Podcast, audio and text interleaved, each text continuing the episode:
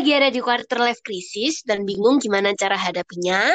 Yuk bahas tipis-tipis barengan sama Naomi dan Macy di podcast Golden Hour. Golden Hour. Gimana nih life, quarter life crisis tuh apa sih Nom? Nah, quarter life crisis itu adalah masa krisis yang dialami seseorang berusia sekitar rentan 20 hingga 30 tahun nih, Miss. Oh, masa-masa memilih segala sesuatunya sendiri gitu ya. Benar. Jadi Oh. kegalauan-kegalauan karena mungkin masa transisi ya, karena quarter life crisis ini kan eh, apa?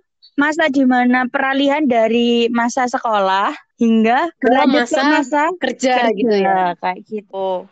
Lagi ngalamin ini nggak, Miss? Aku mengalaminya iya, terus juga karena perubahan lingkungan, jadi harus adaptasi juga. Jadi kayak numpuk-numpuk gitu. Hmm. Kamu juga enggak? Aku pastilah kalau aku setelah lulus kuliah baru eh, tahun lalu sampai sekarang masih masa-masa pencarian kerja, pencarian jati diri. Waduh, berat ya.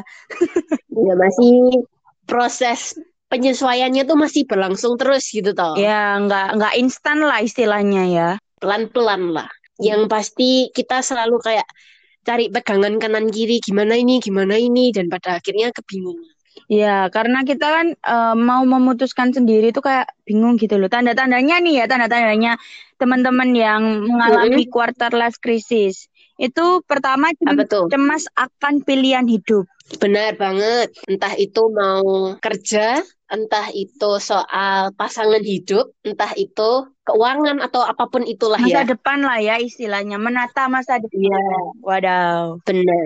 Rumit ya. Rumit emang. Kita pasti ketika mungkin eh, detik-detik mungkin waktu skripsi atau mungkin mau mengakhiri masa sekolah lah ya. Itu pasti kita mikir kita mau lanjut ke mana ya, mau ngapain ya. Apakah pilihan kita atau enggak, kayak gitu kan. Dihadapkan dengan banyak pilihan sampai akhirnya bingung sendiri dan bimbang. Iya. Langkah mana nih yang kira-kira tepat buat diri sendiri? Ya, kedua, eh, tandanya itu kita mulai membuat komitmen. Jadi ketika kita eh, sudah melalui masa sekolah tadi, kita akan Mm-mm. dihadapkan untuk sebuah komitmen atau apa ya, janji gitu kan ya. Entah itu kuliah, eh, entah itu kerja, entah itu menikah, itu kan harus kita harus komit gitu kan ya. Dan kadang itu juga membuat Mm-mm. sendiri buat kita gitu loh. Bahwa kita udah siap atau belum. Komitmen juga bisa ini loh, tentang goals kita, tujuan atau target kita lah Hmm, benar. ke depannya itu apa gitu. Kan kita udah nger- ngerancangin nih kayak eh, aku nanti ke depan mau kayak gimana ya? Apakah targetku ini akan tercapai atau enggak kayak gitu kan? Iya. Lalu yang Terus ketiga, ketiga, ini relasi. Relasi dengan entah itu Oh, teman atau itu benar pertemanan ya. ya Hmm. teman atau mungkin pasangan Lingkungan dan lingkungan. Harus yang kualitasnya itu sesuai dengan yang kita mau dan sesuai dengan standar ya. Standar bukan sih? Ya, Kayak standar kita kepinginnya tuh orang-orangnya kayak gimana gini. iya, Bukan jumlahnya aja, tapi kualitasnya itu juga jadi sesuatu yang penting dan kita perhatikan. oh, betul banget. Nah, sekarang kita bakal bahas satu-satu nih, Miss. Yo, tentang eh, tanda-tanda tadi dan mungkin kita di akhir nanti ketika kita membahas kita akan memberikan rekomendasi buat teman-teman ya dan ini juga bisa buat kita juga sih sebenarnya eh, buat Messi atau Naomi juga buat sama-sama belajar. benar benar. Oke, kita bahas dulu nih dari yang pertama, Dari yang pertama pilihan hidup. pilihan hidup. Mungkin pertama pekerjaan ya. Ya, boleh. Pekerjaan deh yang sudah pernah kerja nih. Gimana sih rasanya? Plus minusnya apa? Coba deh. Ceritanya Messi belum kerja, Mm-mm. ceritanya katanya. Padahal Beneran belum kerja beneran loh. belum kerja padahal. Eh, rasanya Coba coba gimana? Rasanya kerja ya asam manis garam kalau kata orang-orang tua pada umumnya. Karena menurut ketahuan ya umurnya berapa nih. Karena ngomongin masalah kerja tuh hampir-hampir memper kayak nyari jodoh sebenarnya. Iya, harus selektif ya. Ya, benar banget. Bukan bukan karena pemilih, tapi juga ya memang cocok-cocokan sih kayak gitu loh. Harus sesuai dengan yang kita mau dulu nih gimana kira-kira. Bener nggak? Yes, benar. Value yang dipegang sama Naomi adalah Naomi nih perspektif perspektifnya Naomi itu kerja itu Mm-mm. eh, minimal hatimu seneng. Kalau kamu nggak seneng, s- maksudnya nggak.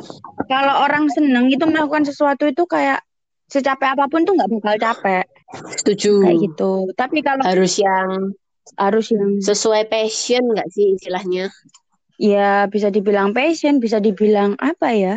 Ya cocok gitu aja. Kadang kalau passion pun Mm-mm. juga nggak menentukan kita bakal enjoy apa enggak. Kalau kita mau kerja seringan apa pun, tapi kalau hatinya nggak enjoy, ya mah aja gitu. Bakalan berat ya. Bakal berat juga kayak gitu. Oke, Cerita dikit pengalaman ya. boleh. Oh, dalam rentan Aku menunggu nih. Aku excited nih, pengen tahu. kepo ya kepo. Padahal biasa Iya, dunia kerja tuh gimana sih? Naomi dalam rentan waktu dari sekitar September, ya September sampai Februari itu sudah bekerja sebanyak tiga kali. Oke, Banyak banget ya. Mm-mm, banyak. Enam bulan udah kerja tiga kali di bidang yang berbeda nih. Berbeda-beda. Oke, menarik nih. Gimana gimana ceritain? Yang pertama itu kerja sesuai passion, sesuai bidang tadi kan bahas tentang passion. Udah sesuai bidang karena Ya, uh, backgroundnya Naomi itu jurnalis di Fakultas Komun- Ilmu Komunikasi. Kan oke. Waktu itu Naomi kerjanya juga di jadi penulis, ya jurnalis juga di salah satu media online baru Mm-mm. membahas tentang bisnis. Oh, jadi bikin artikel tentang bisnis gitu ya. Ya, entah itu bisnis atau mungkin ya keuangan seperti itulah bahas-bahasnya. Oke.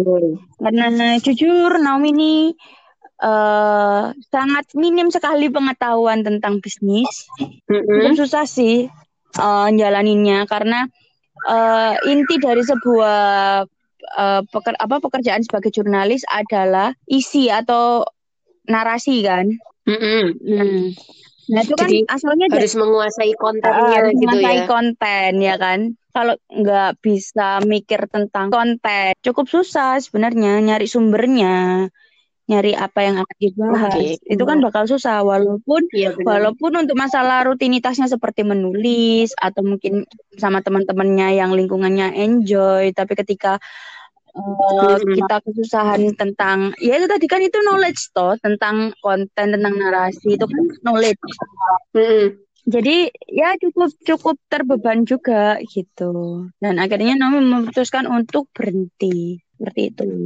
Karena bidangnya tidak dikuasai, tapi sebenarnya bisa nih kita bikin sesuatu artik suatu artikelnya, cuman nggak cocok aja kebetulan bidangnya, Mm, kontennya maksudnya. benar. Terus yang Dan kedua, gimana kamu bekerja? Kedua ini event lepas, jadi lebih ringan sebenarnya. Oh, tunggu, ini yang bareng sama aku bukan sih? Betul. Jadi kerjanya bareng sama. Messi juga. Iya, Gitu. benar. Kerjaannya cukup berat sebenarnya tanggung jawabnya. Waktu itu jadi Karena kasir, kamu di iya, bagian, pegang uang oh iya di benar. bagian kasir. Salah satu benar, event bagian sulit nih. event foto booth kayak gitu ya. Iya, kayak art in- Art, installation gitu lah art bahasa kerennya. installation gitu di Surabaya. Yes. Nah, eh, jam kerjanya cukup banyak sebenarnya. Ya normal sih. Pan, eh. 8 sampai 9 jam nggak sih aku lupa. Ya sekitar gitu. Iya, dan itu ada shiftnya Ada ya. shiftnya juga. Jadi kalau udah pulang larut ya Jadi larut ya banget gitu. Ya normalnya kerja larut gitu kan. Nah, tapi di sini Omi merasa senang. Senang karena teman-temannya? Iya, teman-temannya juga suportif banget. Terus mungkin eh, leadernya juga mau bimbing juga kayak gitu Apa ya? kan, nggak Iya, dan bisa kita apa anggap sebagai lawan bicara yang dalam tanda kurung teman gitu loh. Nah, seperti itu. Walaupun kerjaannya sebenarnya berat juga karena berurusan dengan uangnya orang istilahnya kan ya. Tapi karena Iya, tanggung Eh, jawabnya terus juga lah ya. terus juga cukup banyak berdiri juga gitu loh ngadepin orang, Iya, ya kan? setuju. Tapi apa ya nggak ada rasa yang capek gitu atau eh, nggak maksudnya nggak ada beban gitu loh. Kerja tuh ya seperti seperti nggak kerja rasanya kayak gitu loh. Iya, terutama karena ini sih teman-teman atau uh, rekan kerjanya juga seumuran kita kita jadi rasanya lebih kayak bukan kerja ya, gitu loh. Suportif ya juga. Ah, benar-benar. Jadi kita nggak nggak ngerasa tertekan ya, gitu. benar banget. Seperti yang di di jurnalis tadi, itu sebenarnya teman-temannya juga mm -hmm. seangkatan. Jadi mereka lebih fleksibel, bukan fleksibel ya, maksudnya tempo temponya bisa tuh bisa menyesuaikan lah. istilahnya kayak gitu ya cuman kan karena yang di mm-hmm. awal itu karena mm-hmm. ketakutan sendiri karena takut nggak maksimal untuk mengerjakan tugasnya gitu loh iya yeah. jadi memutuskan yeah, untuk yeah. keluar tapi mending kalau uh, daripada teman-teman mengulang kesalahannya Naomi yang di kerjaan pertama sebenarnya kan enak kan di sana jadi ya mungkin lebih menguas kalau mau ngelamar di bidang yang sama harus menguasai ini sih menguasai kontennya, kontennya. segmen rubriknya tuh kita harus tahu dulu gitu. Iya, dipelajari lah. Ya, gitu. Nah, itu udah okay. itu seneng banget sih. Cuman kan karena memang event lepas gitu kan. Maksudnya um, bukan bukan pekerjaan tetap. Jadi ya udah berakhir ya udah gitu kayak ya kayak ya, mengulang lagi ya enggak periodenya periode pendek ya, periode gitu, pendek ya. lah bisa dibilang kayak gitu jadi lebih apa sih lebih fleksibel nah, istilahnya lah. Terus yang, yang ketiga ketiga itu kerja di salah satu ini jadi marketing di salah satu travel di Surabaya oke okay. Gitu. Kamu berarti bagian marketingnya. Yes. Ini yang Terus. cukup membuat Naomi belajar juga sih untuk uh, pertama teman-teman uh, lingkungan kerja yang gap umurnya jauh ya sama Naomi. Mm-hmm. Jadi kayak menyesuaikan juga cukup susah sebenarnya. Lalu karena uh, beda, beda usia, usia ya. jadi pola pikir pandangan itu juga udah beda, beda banget. banget. Mm-hmm. Lalu kedua bisa dibilang sistem manajemennya yang kurang jelas juga, mm-hmm. kayak gitu. Terus dari job desk juga kurang gitu kan, masih masih kurang jelas juga gitu. Nih karena nggak terstruktur ya, dah. Terus kom ya. karena tadi gap umur, terus hal-hal yang masuk ke manajemen atau job desk yang kurang jelas, lalu ditambah karena itu itu semua kan susah, jadi akhirnya berujung pada komunikasi yang susah gitu. Jadi oh, iya, uh, mau tanya, mau diskusi atau apa, jadi kayak cukup susah buat Naomi masuk gitu, istilahnya kayak gitu. Karena itu akhirnya memutuskan untuk berhenti juga, seperti itu. Susah ya ternyata ya cari okay. kerja ya. susah ya. Harus pokoknya kita tuh kalau berarti masuk dunia kerja, kita harus siap untuk beradaptasi secara konstan terus menerus menyesuaikan, menyesuaikan diri, diri terus entah itu dari cara berpikir terus pengaruh perbedaan usia tadi. Budaya kerja juga. Entah itu bidang kerjanya. Iya benar budaya kerja juga pertama itu sih. Kayak gitu. Jadi memang harus hmm. menyesuaikan gitu. Jadi kayak ya kayak orang pacaran gitu loh. Duh. kita kenal kan nggak mungkin langsung klub gitu kan ya mungkin awal-awal ih yeah. aku aku seneng Ada. banget nih mau ke sini mau mau di sini apa gitu kan ternyata pas tahu yeah. pas tahu mungkin karakternya dia kayak apa cara menghadapi masalah pasangan kayak apa lalu kita kayak oh ala cuman gini doang atau mungkin dia kok kayak gini sih gitu kan dan kita memutuskan untuk mm -hmm. ya aku menyerah kayak gitu ada masa-masa belajar ada masa-masa kita dihadapkan sama dua pilihan. Mm, benar. Kayak gitu sih ya. rasanya kalau kerja. Hmm, oke. Okay. Ya, kalau aku kan cuma ya aku pernah bekerja dong berarti di event iya. yang tadi. Ada event lagi satu sih. Jadi aku kerjanya dua uh. kali di event yang berbeda. Hmm. Tapi yang handle event ini organisasinya sama, IO-nya oh. sama. Oh, iya iya ya, benar-benar. Yang pertama kayak market. Uh. Market tuh kan ada kayak makanan, ada fashion kayak baju, sepatu dan sebagainya. Yeah. Kebetulan waktu yang di event pertama ditawarin sama temen yang udah masuk di organisasinya itulah. Terus aku bilang oke okay, aku mau gitu. Jadinya aku jaga di salah satu stand punyanya kokonya dia baju hmm. gitu baju untuk cowok. Dan yang bikin pekerjaan itu berat adalah karena kan posisiku sebagai SPG itu susah. Karena pertama nggak punya basic sama sekali tentang kayak fashion gitu. ya? Nggak ada pengalaman sama sekali. Dan te- uh, tentang fashion dan tentang apa sih menjualkan produk gitu loh. Uh. Itu nggak pernah ada basicnya kan sama sekali. Itu hari pertama tuh bingung banget. Gimana caranya orang-orang itu tertarik gitu loh dengan apa yang aku omongin. Hmm. Itu beratnya di situ. dan yang kedua beratnya itu adalah harus berdiri terus juga. Oh ya. Kalau kita duduk kan orang orang tuh kayak ini mana nih yang jaga nih ada orangnya nggak sih mau lihat-lihat kan jadi sungkan kan ada kan orang-orang yang kayak oh, gitu. benar-benar. Itu sih yang bikin berat itu. Cuman ya yang lainnya enjoy karena event lepas juga jadi uh, periodenya juga periode pendek gitu. Jadi nggak kerasa ya? Nggak kerasa, cuman lumayan bikin kaki pegel aja. Uh, emang emang emang event kedua ini memang ini kok ya Ma, apa asik. Uh, asik sih karena teman-temannya kalau aku bilang. Dan dari atasannya kita juga bukan tipe atasan yang apa sih istilahnya? Bosi. Mm kayak saling support lah ya. Jadi ya mm kitanya merasa tersupport kitanya juga bisa support nyaman lah istilahnya. Hmm, menarik. Terus nah, nih. bingung toh apa maksudnya kayak gimana sih caranya uh, supaya kita prepare dalam bekerja gitu kan? Mungkin ada yang masih belum kerja atau mungkin sudah dalam pekerjaan pekerjaan tapi galau bimbang mau mungkin mau resign atau mau apa ya mungkin mau mm-hmm. bertahan tapi kayak bingung harus melakukan apa. Ada rekomendasi tadi kita? Yeah. ada beberapa ini? Ada dua eh tiga salah tiga. Yang pertama di Instagram di akunnya Cleans G L I M T S. Itu tentang Cleans itu uh, sebenarnya kayak job job seeker ah apa? Pokoknya uh, aplikasi untuk pencarian kerja juga. Jadi mempertemukan antara perusahaan dengan oh, ya, berarti... pencari kerja seperti itu. Tapi sama lah kayak LinkedIn ya, gitu ya. kayak gitu. Cuman uh, bedanya uh, mereka ini juga yang memberikan tips-tips gitulah istilahnya.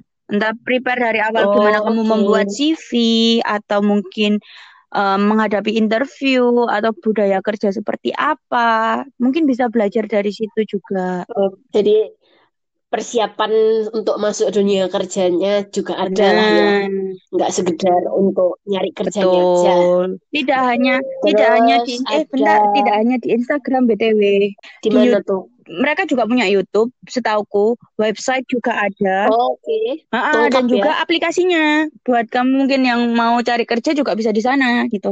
Hmm, baru tahu nih kalau ada oh, aplikasinya. Karena mereka juga ya boleh dicari uh, lah ya nanti. Sistemnya kayak cari kerja juga gitu. Ya sejenis LinkedIn gitu. Oke. Okay. Hmm. Terus ada TEDx. Ini TEDx ini tapi lebih apa luas sih ya, ya benar. Nggak hanya untuk kerjaan oh, Karena aja. seminarnya tuh banyak. Itu memotivasi kan ya. Mungkin pengalaman-pengalaman orang yang sudah pernah hmm, berada di bidang nggak tahu banyak hal ya bidangnya. Jadi mungkin bisa teman-teman bisa cari. Ada ada juga yang TEDx versi Indonesia kalau memang susah untuk ke uh, bahasa asing. Bahasa eh, uh, ada ya. kok yang bahasa Indonesia mm -hmm. banyak yang mem memotivasi juga gitu. Oke, okay. bisa lihat di YouTube atau di Instagram Instagramnya ada, ada juga. Oh, aku tahunya di YouTube. Cari aja, ada kok. Oke, okay. jadi itu dia akun akun atau referensi ya, dari kita. Terus juga jangan lupa cari di apa uh, job-job apa ya aplikasi untuk pencari kerja job seperti Job Street, LinkedIn. Soalnya uh, di dalam contohnya di dalam LinkedIn Banyak aja sih, ya. gitu itu kan bisa ngepost ngepost kayak status gitu kan ya. Nah, biasanya tuh di status-status itu tuh banyak mm -hmm. banyak uh, mungkin uh, yang sudah profesional atau mungkin orang-orang yang berpengalaman itu banyak yang sharing di sana. Jadi itu juga bahan untuk pelajaran kita juga dari pengalaman-pengalaman mereka. Iya, kayak Facebook tapi tentang pekerjaan. Yes, benar. Okay. Lalu yang kedua, kita akan membahas tentang tentang rencana masa depan dulu aja. Rencana masa depan. Sama manajemen keuangan. Benar. Kalau misi uh, rencana ke depan nih mau gimana? Wadah. Um, kebetulan saat ini masih kuliah yeah. ya. Jadi rencananya yang pasti lulus dulu sembari kuliah mau cari kayak part time job gitulah. Jadi bisa sambil nabung, punya pegangan uang sendiri. Terus setelah itu lulus baru cari real jobnya hmm. begitu. Selama ini kamu kuliah Soalnya, manajemen waktunya gimana? Apa beda atau tetap sama atau gimana? Oh ya pasti beda sih kan. Soalnya kan maksudnya jadwalnya kan juga lebih sedikit kan. Nah karena kebanyakan yang ikut adalah orang-orang yang sudah pernah bekerja atau masih bekerja, otomatis kelas yang disediakan itu kelas malam. Nah karena adanya kelas malam sepanjang pagi sampai siang itu aku yang belum kerja ini nothing to do sebenarnya. Jadi masih dalam masa penyesuaian. masih kayak adaptasi sama lingkungan, masih cari-cari kegiatan apa yang uh, sekiranya bisa aku lakukan kayak gitu. Hmm. Jadi masih banyak waktu ya sebenarnya ketika untuk di awal-awal sekolah. Karena kan ini masih masa transisiku gitu loh. Jadi belum ngerti nih apa ya yang mau tak lakuin. Jadi masih nyari-nyari lah. Hmm. Lalu setelah lulus apa yang Anda lakukan? Cari kerja yang sesuai sama bidangku sekarang. Terus apa ya? Pengennya yang nggak macam-macam dulu lah, nggak neko-neko dulu. Karena sudah punya background, uh, aku yakin bisa dapat job yang sesuai. Kalau kita kan waktu S1 mikirnya kayak kerja apa aja dulu lah, yang penting dapat kerjaan gitu kan. Mindsetnya mayoritas kan kayak gitu. Tapi kalau aku, goalsku ke depan, aku akan cari job yang benar-benar sesuai sama standarku dan sesuai sama apa yang aku sudah targetkan. Soalnya di sini pun kayak lihat mereka pasti set goals. Mereka udah uh, menargetkan apa aja yang mau mereka capai ke depannya, entah itu jangka pendek, entah itu jangka panjang. Jadi otomatis akunya ikut-ikutan kayak gitu. Hmm. Jadi kayak terpacu juga ya karena lingkungannya juga udah men-set goals kayak gitu ya. Iya, bener. Jadinya kita menyesuaikan diri lah istilahnya. Hmm, menarik. Kalau kamu? Kalau aku planning ya.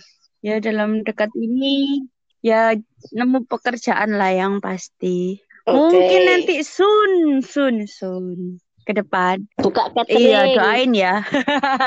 Kalau bisa kirim Wah, ke tempat jauh ya. Ya udah buka buka buka tempat makannya di tempatmu sekarang aja ya. Waduh. Buka cabang gitu loh. Ya doain aja lagi lagi belajar belajar masak juga dikit-dikit. Jadi ya, dikit-dikit masih iya. tipis. Semoga bisa ah, ya. amin. Cari kerja terus mau buka bisnis juga. Oh, soon, soon. Mungkin nikah. Soon. Masih ya, ya nikah. Nikah, ya, nikah, nikah. Oh, nikah. Nikah. ya ampun. Maaf ya agak ini pendengarannya agak-agak salah nih. gitu, tapi ya nunggu dulu ada pasangannya, sekarang belum ada. Hmm, ya ini nih masalah selain rencana masa depan dan karir nih masalah utama kebanyakan remaja-remaja dan pradewasa seperti Menikah. kita pasangan, pasangan hidup. hidup. Itu susah sekali. Itu. Lucu. Apa yang kamu galaukan tentang permasalahan pasangan hidup ini? Galaunya apa ya kesiapan sih sebenarnya. Kesiapan balikan sama mantan. Waduh. Enggak maksudnya iya kan? Rame-rame. Eh. Enggak enggak. Maksudnya dikonfirmasi. Enggak enggak. Maksudnya uh, kesiapan sih. Maksudnya kayak uh, ketika mau memutuskan untuk pacaran nih bener nggak sih aku udah siap untuk pacaran? Hmm. aku akan berhubungan dengan bener nggak sih? Mau iya mau berkomitmen kayak gitu kan. Karena mungkin secara karakter berbeda atau mungkin banyak perbedaan-perbedaan lain gitu kan. Apakah ketika itu dikombinasikan yeah. itu akan sesuai atau malah jadi bumerang untuk diri sendiri kan kita nggak tahu. Iya, penyesuaian visi misinya juga. juga ya. Lalu ketika uh, apa ya? Ketika anda kata ini kita udah jenjang ke lebih lanjut ya, mungkin ke pernikahan, udah langsung ke pernikahan. Mm -hmm. Itu uh, apakah mm -hmm. Kita akan bisa apa ya? bermanfaat untuk yang lain-lain kayak gitu kan karena nanti peran kita kan juga udah udah bukan lagi Naomi sebagai Naomi atau nanti pasangan sebagai pasangan kayak gitu loh. Maksudnya doi sebagai doi itu kan udah enggak. Jadi kita udah udah digabungkan jadi satu kayak gitu loh. Iya, sebagai perannya masing-masing uh, ya.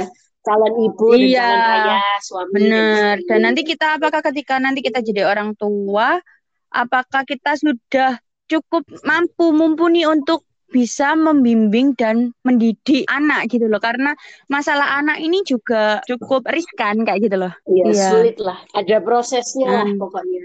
Tapi menurutku sih kesiapan itu uh, apa ya bisa terbentuk ketika kita menjalani prosesnya tanpa paksaan. Jadi kayak nggak nggak terbeban untuk kayak oh aku harus jadi uh, calon ibu yang seperti ini atau jadi calon ayah yang seperti ini. Oh aku harus jadi istri yang seperti ini buat suamiku yang nanti kayak gitu. Jadi kalau nggak tertekan menurutku kita bisa uh, apa sih mempersiapkan benar. diri. Benar benar menurutku. benar. persiapan itu perlu. Jadi kayak ya mungkin teman-teman yang lain kalau memang sekarang mau memutuskan untuk berkomitmen benar-benar apalagi di umur-umur quarter life crisis di mana uh, sebuah komitmen untuk entah itu berpacaran atau menikah itu bukan hal yang main-main sebenarnya. Harus dipikirkan Benar, karena lah. kita nantinya kita uh, kalau kita sudah memutuskan kita akan berelasi dengan doi gitu kan ya. Itu kan bukan hanya dalam jangka waktu yang sebentar cuma setahun atau dua tahun tapi kamu akan selamanya dengan dia apakah kamu bisa jadi teman hidupnya kayak gitu loh Iya, untuk pilihan jangka panjang dan banyak mempengaruhi aspek-aspek di hidup kita harus hati-hati juga sih pemilihannya. Nah, kayak gitu. Ya, kamu ada kepikiran nggak untuk memplanningkan pasangan hidup? Oh, wow, um, planning tidak ada. Soalnya jujur ya, kalau aku bicara pasangan hidup itu apa ya? Buat pacaran itu rasanya masih nggak pengen gitu loh kasih kayak masih hmm. males apalagi kalau pacarannya cuma buat mainan nggak serius sama sekali gitu tuh males karena mindsetku pacaran itu untuk jenjang yang lebih hmm. serius jadi kalau kamu udah hmm. berkomitmen aku udah berkomitmen ya kita sama-sama serius untuk menjalankan komitmen itu dan berkembang bersama gitu loh kalau akunya komitmen tapi doinya enggak kan timpang nggak jalan searah hmm. kan males kan pada akhirnya hmm. pasti putus nah itu aku nggak nggak mau hmm. kayak gitu jadi aku sekarang tidak mau berpacaran hmm. tapi untuk ke depannya ya untuk rencana jangka panjangnya bingung sih nemunya jadi di mana? masih proses mencari dulu ya istilahnya ya udahlah kalau ada ya udah kalau enggak ya ya istilahnya nyari dulu yang klub lah yang komitmennya bener-bener hmm. iya gitu loh karena kalau pada akhirnya punya visi misi yang sama, terus udah sepemikiran, tapi akhirnya nggak bisa sama-sama komitmen, ya buat apa? Dan sebenarnya kita sudah pernah membuat beberapa part untuk masalah pasangan hidup loh di podcast Banyak. ya episode-episode episode, episode, Jadi buat Tem uh, ya teman-teman yang baru gabung bisa scroll scroll ke bawah. Cari yang hashtag cinta. Nah itu kita banyak dari mencintai diri situ. sendiri sampai mencintai pasangan ya udah udah beberapa banyak. Ya kalau mungkin ada yang mau request mau bahas boleh, apa boleh banget lah. gitu. Itu untuk pasangan hidup. Terus sekarang masalah mungkin yang paling krusial banget ini lebih sensitif lagi. Miriskan okay, dari semua. Aduh Oke, kita bahas yeah. duit dulu. Apa makna huh. duit bagimu? Aduh. Sebenarnya butuh. Ya, siapa sih yang nggak butuh duit? Tapi kadang itu uh, karena jujur Nomi adalah orang yang sangat boros. Aduh, sedih ya. Jadi duit itu iya, sangat butuh dibutuhkan. banget. Tapi kayak bingung kadang tapi... itu kalau pengeluaran ketika habis keluar duit gitu ya. Kayak, aduh, kok nggak penting ya sama sih. Sama. Tapi kalau buat kalian nih ya teman-teman yang merasakan hal ini kita juga ya. mengalami hal itu. Ketika kita keluar sama teman-teman entah itu beli makan jajan-jajan terus pulang tuh rasanya nyesel gitu loh. Kenapa iya, tadi beli kenapa itu? kok kok keluar duit untuk itu? Kayak gitu kan ya. Iya benar. Tapi di momen itu iya, kita benar-benar dan kadang itu kayak pemasuk pemasukan itu Ini... sedikit tapi pengeluaran kok uh, banyak banget. Hmm, ya. Masalah manajemen ya. keuangan yeah. lah ini. Gimana kita memanage yeah. keuangan kita ketika pemasukan lebih sedikit tapi Bener. pengeluaran banyak Kadang banget. Kadang itu angka angka itu tidak menentukan itu banyak atau sedikit loh. Kadang ada orang yang gajinya banyak ya, banget sesuai eh, kebutuhan lah kadang pokoknya. Gajinya gede banget tapi tetap aja merasa kurang gitu kan ya tapi ada yang gajinya sedikit tapi kayak bisa di apa ya istilahnya bisa di manage gitu loh. Jadi kayak ya cukup cukup aja tuh dengan gaji sedikit kayak gitu kan kayak gitu. Hmm. jadi kayak angka itu nggak menentukan gitu loh bergantung dari kitanya sendiri yang manage gitu kan. Kadang kan kita ada yang aduh aku kerja gajinya cuma sedikit tapi kebutuhanku banyak kayak gitu kan. Ini loh kamu pernah tahu nggak sih cara memanage keuangan tuh pembagiannya gimana? Yang berapa persen berapa persen Secara itu? spesifik aku nggak paham sih sebenarnya. Cuman ada beberapa rekomendasi yang bisa teman-teman gunakan untuk belajar tentang manajemen uang atau mungkin cara mengelola uang, hmm. investasi. Kita tadi Yui. udah nyatet beberapa ya. Ada lima ya lima account yang kita rekomendasikan untuk teman-teman follow dan untuk teman-teman lihat-lihat kontennya.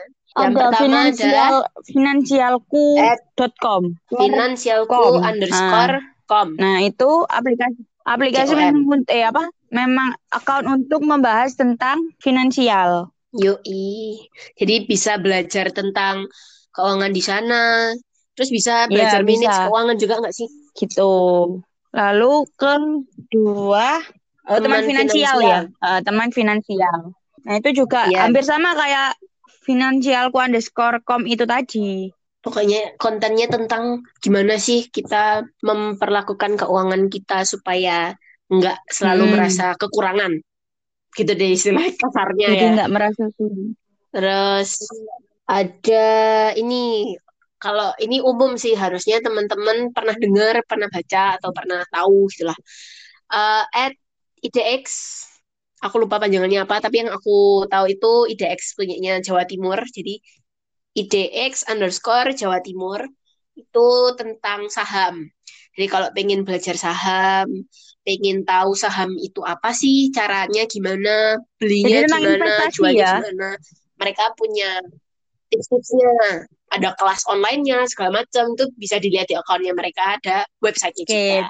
Yang keempat eh, Dari dari kita berdua. Naomi. Jadi kita kita punya Dan rekomendasi saya. sendiri. Jadi ini eh, follow eh, apa teman kita sebenarnya teman kontak. Oh, yang ini bukan Oh, temen iya. aku, tapi orang Kalau yang aku kalau dari Naomi ini sebenarnya ya sebenarnya nemu nemu juga ya sama sebenarnya. Cuman udah kayak teman sendiri akhirnya karena sering interaksi kayak gitu kan.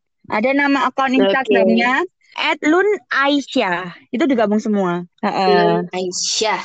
Jadi Banyak dia sharing apa eh, sih? dari sharing tentang saving money, terus ya cara-cara memanage ini loh, memisahkan, men- mencatat keuangan itu juga ada pakai aplikasi apa aja kayak gitu kan. Oke. Di Di di di highlight, feeds-nya, di highlight. story-nya. ya Oh ya sama sama sama sama kayak punya kamu saya. tadi kayak gitu bisa dicari juga terus mungkin kalau memang suka karena ya sekalian promoin juga ya kak lalu nggak nggak dibayar kok cuman eh, memang cukup menginspirasi juga sih eh, salah satu orang yang nggak begitu terkenal nggak begitu eh terkenal sih sebenarnya cuman eh, maksudnya bukan selebgram Bukan ya selebgram maksudku ya. itu cuman eh, konten-konten dari apa postingannya tuh keren-keren gitu loh. Kak Lalu Kak, Kak Laluna ini desainer, gambar, suka ngedesain kayak gitu. Jadi gambar-gambarnya boleh Eh, dilihat. wah, ya jadi secara Enak visual ya. enak lah ya untuk Terus pembahasan dari gitu. yang tadi aku sebutin juga enak Oke. banget bahasanya gampang dipahami kayak gitu. Dari highlightnya itu. Itu bisa di follow gitu. Yang terakhir ini eh, rekomendasinya saya. Bukan selebgram juga, tapi secara visual enak untuk dibaca. Secara knowledge banyak yang di-sharingkan, terutama tentang finansial. Di highlightnya dia ini ada tentang belajar saham. Di at Scorpio Rita. Jadi Scorpio, terus Ritanya T-nya double. Itu dia sering banget sharing-sharing tentang em, apa sih finansial, terus kayak pengetahuan umum, apa pun itu yang sudah dia pelajari gitu di-sharingkan. Jadi teman-teman nggak bosen gitu lihat story-nya dia. Di story ya, bukan di feeds-nya dia. Soalnya dia juga bukan yang konten, eh, bukan account Untuk, yang uh, untuk uh, khusus Jadi di gitu highlight. bukan. Jadi teman-teman cari di highlight. Ya, di highlight ada tulisannya kok teman-teman. Iya, Jangan jangan malas membaca membaca, ya. itu kuncinya. Ya, itu tadi Benar sekali. rekomendasi-rekomendasi tentang keuangan. Ada Terus- lagi, ada lagi? Ada lagi rekomendasi yang ini pasangan eh pasangan hidup apa sih? Belum. Oh, bukan Kita ya, masuk belum. deh sekarang. Belum. Oke. For the best eh for the best. Te- yang terakhir, yang Yang terakhir. terakhir apa? Dua terakhir. Eh, tentang Terakhir apa dua terakhir? Yang terakhir apa? Oh, yang Saat terakhir. yang terakhir. Yang satunya Oh kan iya, ada rekomendasinya. Iya, iya, ayo, ayo, Ah, kamu ayo. Jangan ngambek, ta. Kasih permen nih. yang ini iki. Sudah lama Sudah lama gelut ya. Hmm, Udah lama bukan nggak gelut.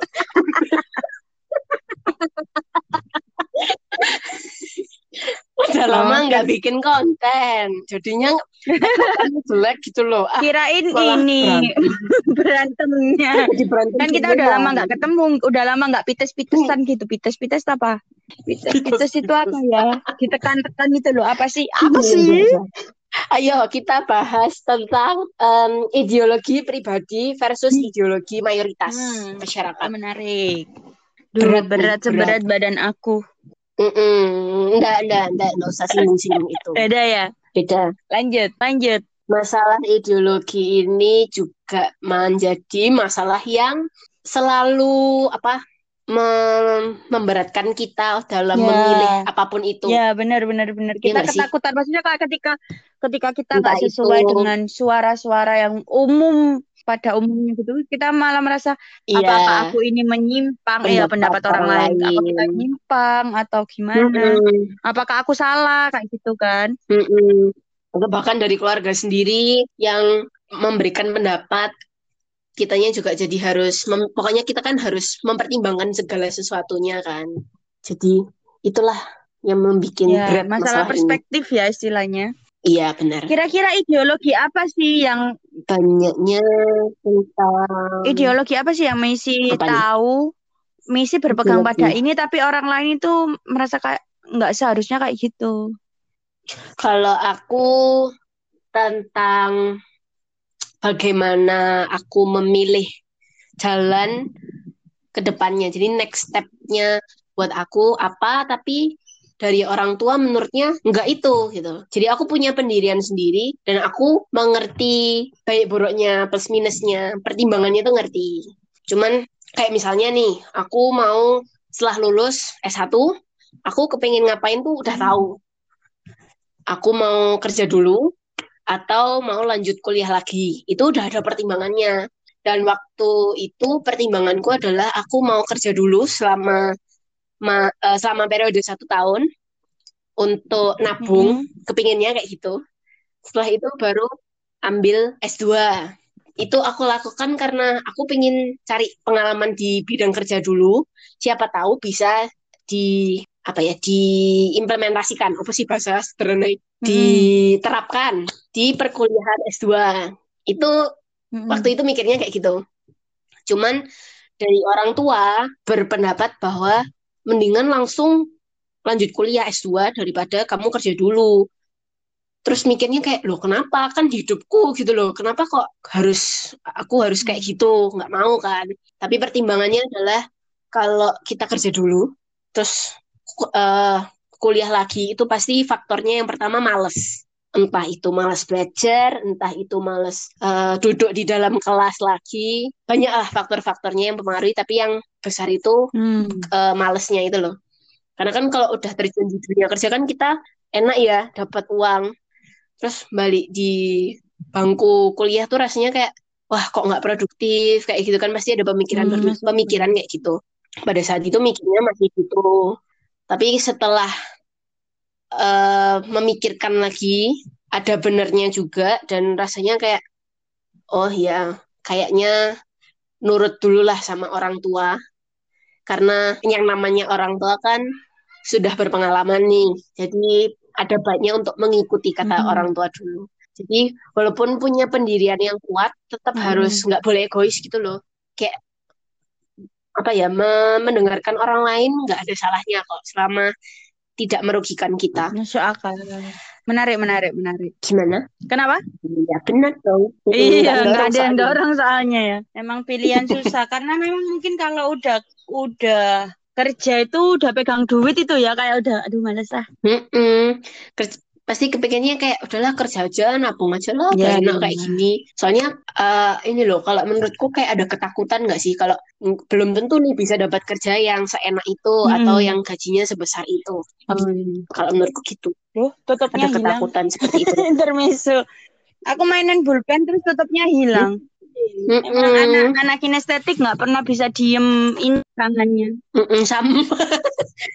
aku dari tadi di kursi Ampun. juga goyang-goyang kayak tidak bisa diam ya itu itu tuh itu hmm, jadi inget ini adalah salah satu faktor kenapa waktu itu nggak pengen S2 dulu. Karena aku nggak bisa diam. Aku tuh males duduk di dalam kelas, terus duduk diam, mendengarkan hal yang paling membosankan Itu, ya. Karena kan kita harus diam tuh. Iya, aku tuh nggak suka gitu. Nggak suka nunggu. Wah, tuh males banget. Tapi untungnya di sini budaya belajar dan mengajarnya beda. Jadi ya, Wow. I'm enjoy. Yeay. Yeay. Ya, excited. Ya ya ya ya. Yang bikin kamu paling tidak nyaman dengan ideologi itu. Apa ya? Ideologi Apa? aku sih ini orangnya Cepat. adalah tipikal yang try trial and error. Jadi bukan tipikal orang yang Hmm. stay di satu tempat dan fix it gitu. Enggak, kadang tuh aku kayak lompat-lompat gitu, entah dalam hubungan pertemanan atau hubungan relasi dengan pasangan hidup atau mungkin dalam pekerjaan juga ternyata. Baru-baru ini kan Hmm, Banyak yang bilang- Oke. Beda sama bosenan atau enggak bisa dibilang Bukan ya kind of ya. Cuman ya pertimbangannya banyak sebenarnya. Kayak gitu. Jadi Mm-mm. untuk pandangan orang lain tuh seperti kamu kok pindah-pindah terus sih kayak kamu nggak setia sih kayak gitu kan. Oh ya berarti istilahnya kayak aku memandangnya kayak tadi aku ngomong bosenan tapi menurut kamu Iya, tuh kayak trial gitu and kan. error gitu Kita kan. nggak mungkin langsung kalau dalam idealismeku sendiri ya kita nggak mungkin ada yang kali nemu langsung cocok gitu loh. Atau harus dipertahankan terus gitu kan. Ada beberapa hal Mm-mm. yang kita harus lepas, kadang ada yang harus kita pertahankan gitu.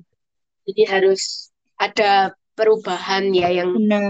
dialami Benar, gitu kayak biar nggak gitu. bosan. Jadi itu kadang menurut orang lain itu kayak memandang ini jelek Ya. loh kayak gitu. Padahal buat aku tuh kayak ya sudah ini jadi pengalaman buat aku dan aku bisa men-sharingkan kayak mungkin kegagalanku kemarin ya dalam bekerja itu juga bisa jadi contoh buat teman-teman juga kan. Mm-mm.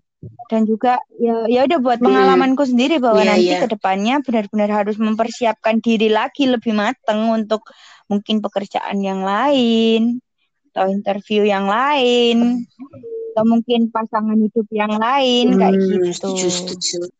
Aku tipe yang aku bosenan juga. Jadi kita sama-sama bosenan ya Nom ya. Tapi aku kalau sudah stay di satu spot, satu tempat, bakalan merasa terikat di situ-situ aja. Ya itulah, bingung untuk gimana cara menyelesaikan atau keluar dari tempat itu. Oh, gitu. Heeh. Jadi bosenan, cuman bingung caranya gimana untuk keluar dari kebosanan tapi itu. kalau Naomi sendiri, kalau memang sudah klop, ya klop. Lepas susah. Tapi ketika ada Hmm. sesuatu yang nggak Hmm, sesuai, Oke, bisa langsung cepat berpindah. Hmm, Gitu. oke. Baiklah, Itu sih. baiklah. Itu ideal. Mungkin teman-teman ada idealisme lain atau gimana dan mengganggu. Kadang nih masalah memutuskan idealisme ini apa ya? Kayak merasa ini tuh bukan kita yang mutusin gitu ya. Jadi kayak kayak kesinambungan gitu loh. Mm-mm. Orang lain ngomong apa, Bener.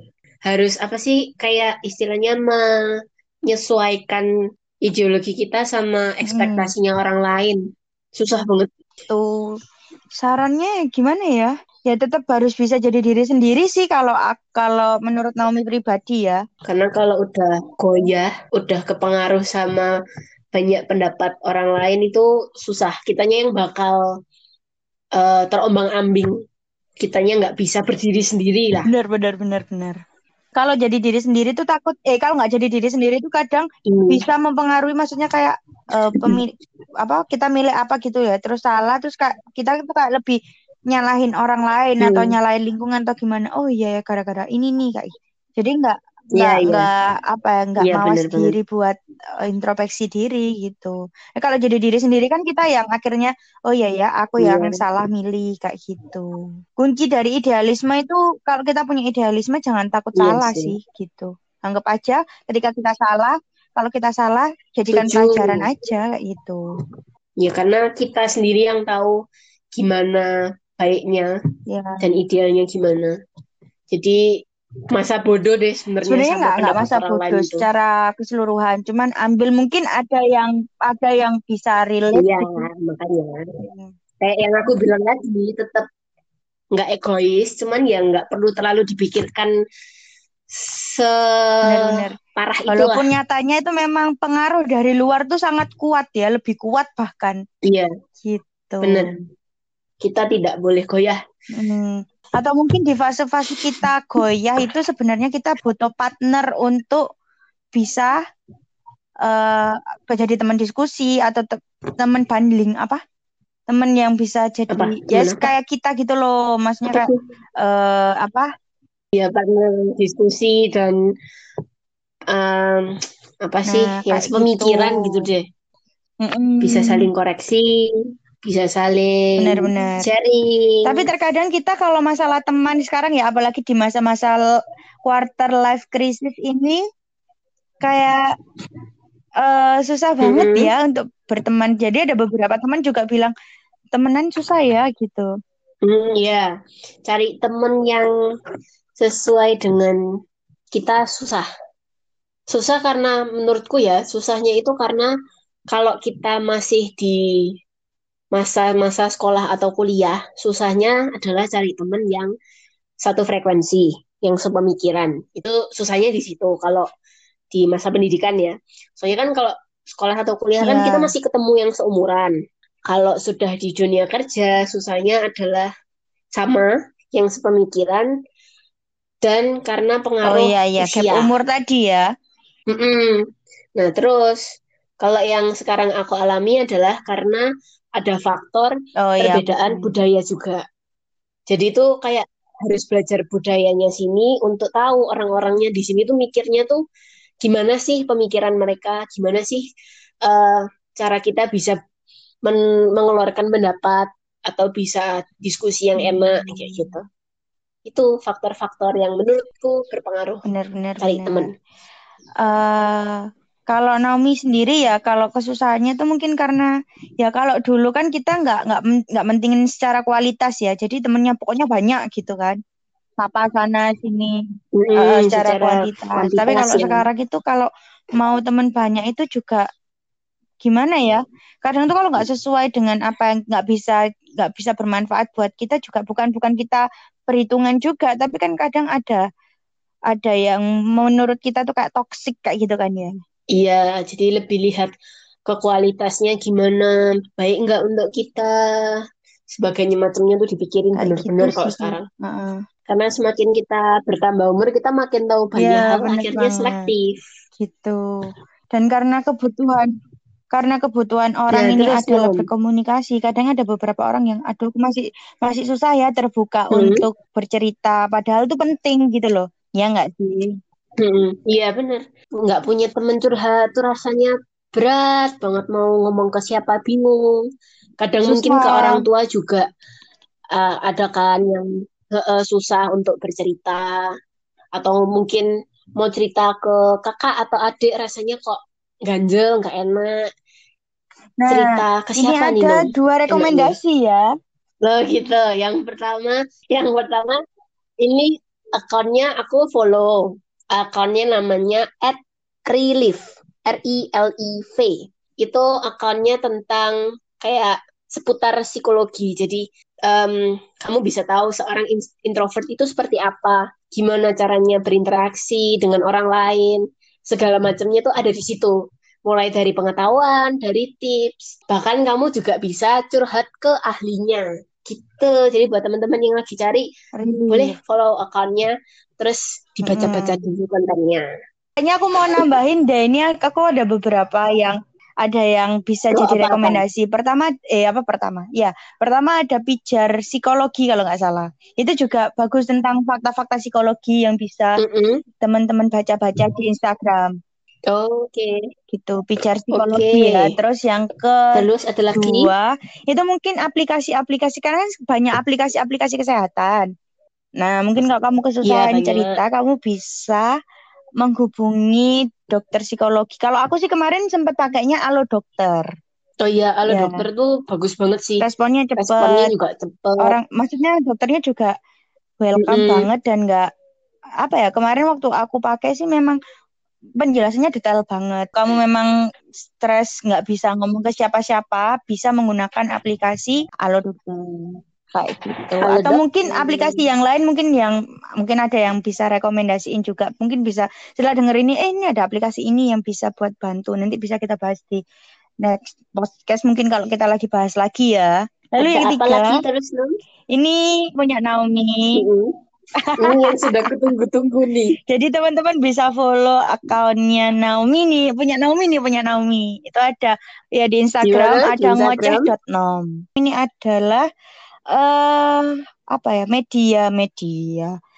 Jadi buat teman-teman yang pengen curhat, pengen ya ngobrol layaknya temen lah. Aku pengen punya temen chat Oke. gitu kan ya. Bisa chat gratis. Di situ ada nomornya. Enggak, enggak aku sebutin di sini. Lihat aja di akun Instagram ada kayak gitu. Jadi kak kalau kamu mau curhat. Jadi sebenarnya Naomi kalau memang minta pendapat Naomi boleh Naomi kasih dari sudut perspektif Naomi. Jadi boleh boleh diikutin atau enggak Oh. terserah. Terus ini gitu. Boleh tahu nggak backgroundnya Ininya kamu bikin ini tuh kenapa sih? Biar teman-teman tuh enak gitu loh kalau mau cerita. Karena selama ini sejauh ini itu eh apa ya? Banyak banget sih teman-teman yang merasa nyaman untuk cerita ke Naomi Loh, jadi ini gitu. yang memotivasi kamu untuk bikin jasa ini ya. Yes, bener banget Siap. kayak gitu.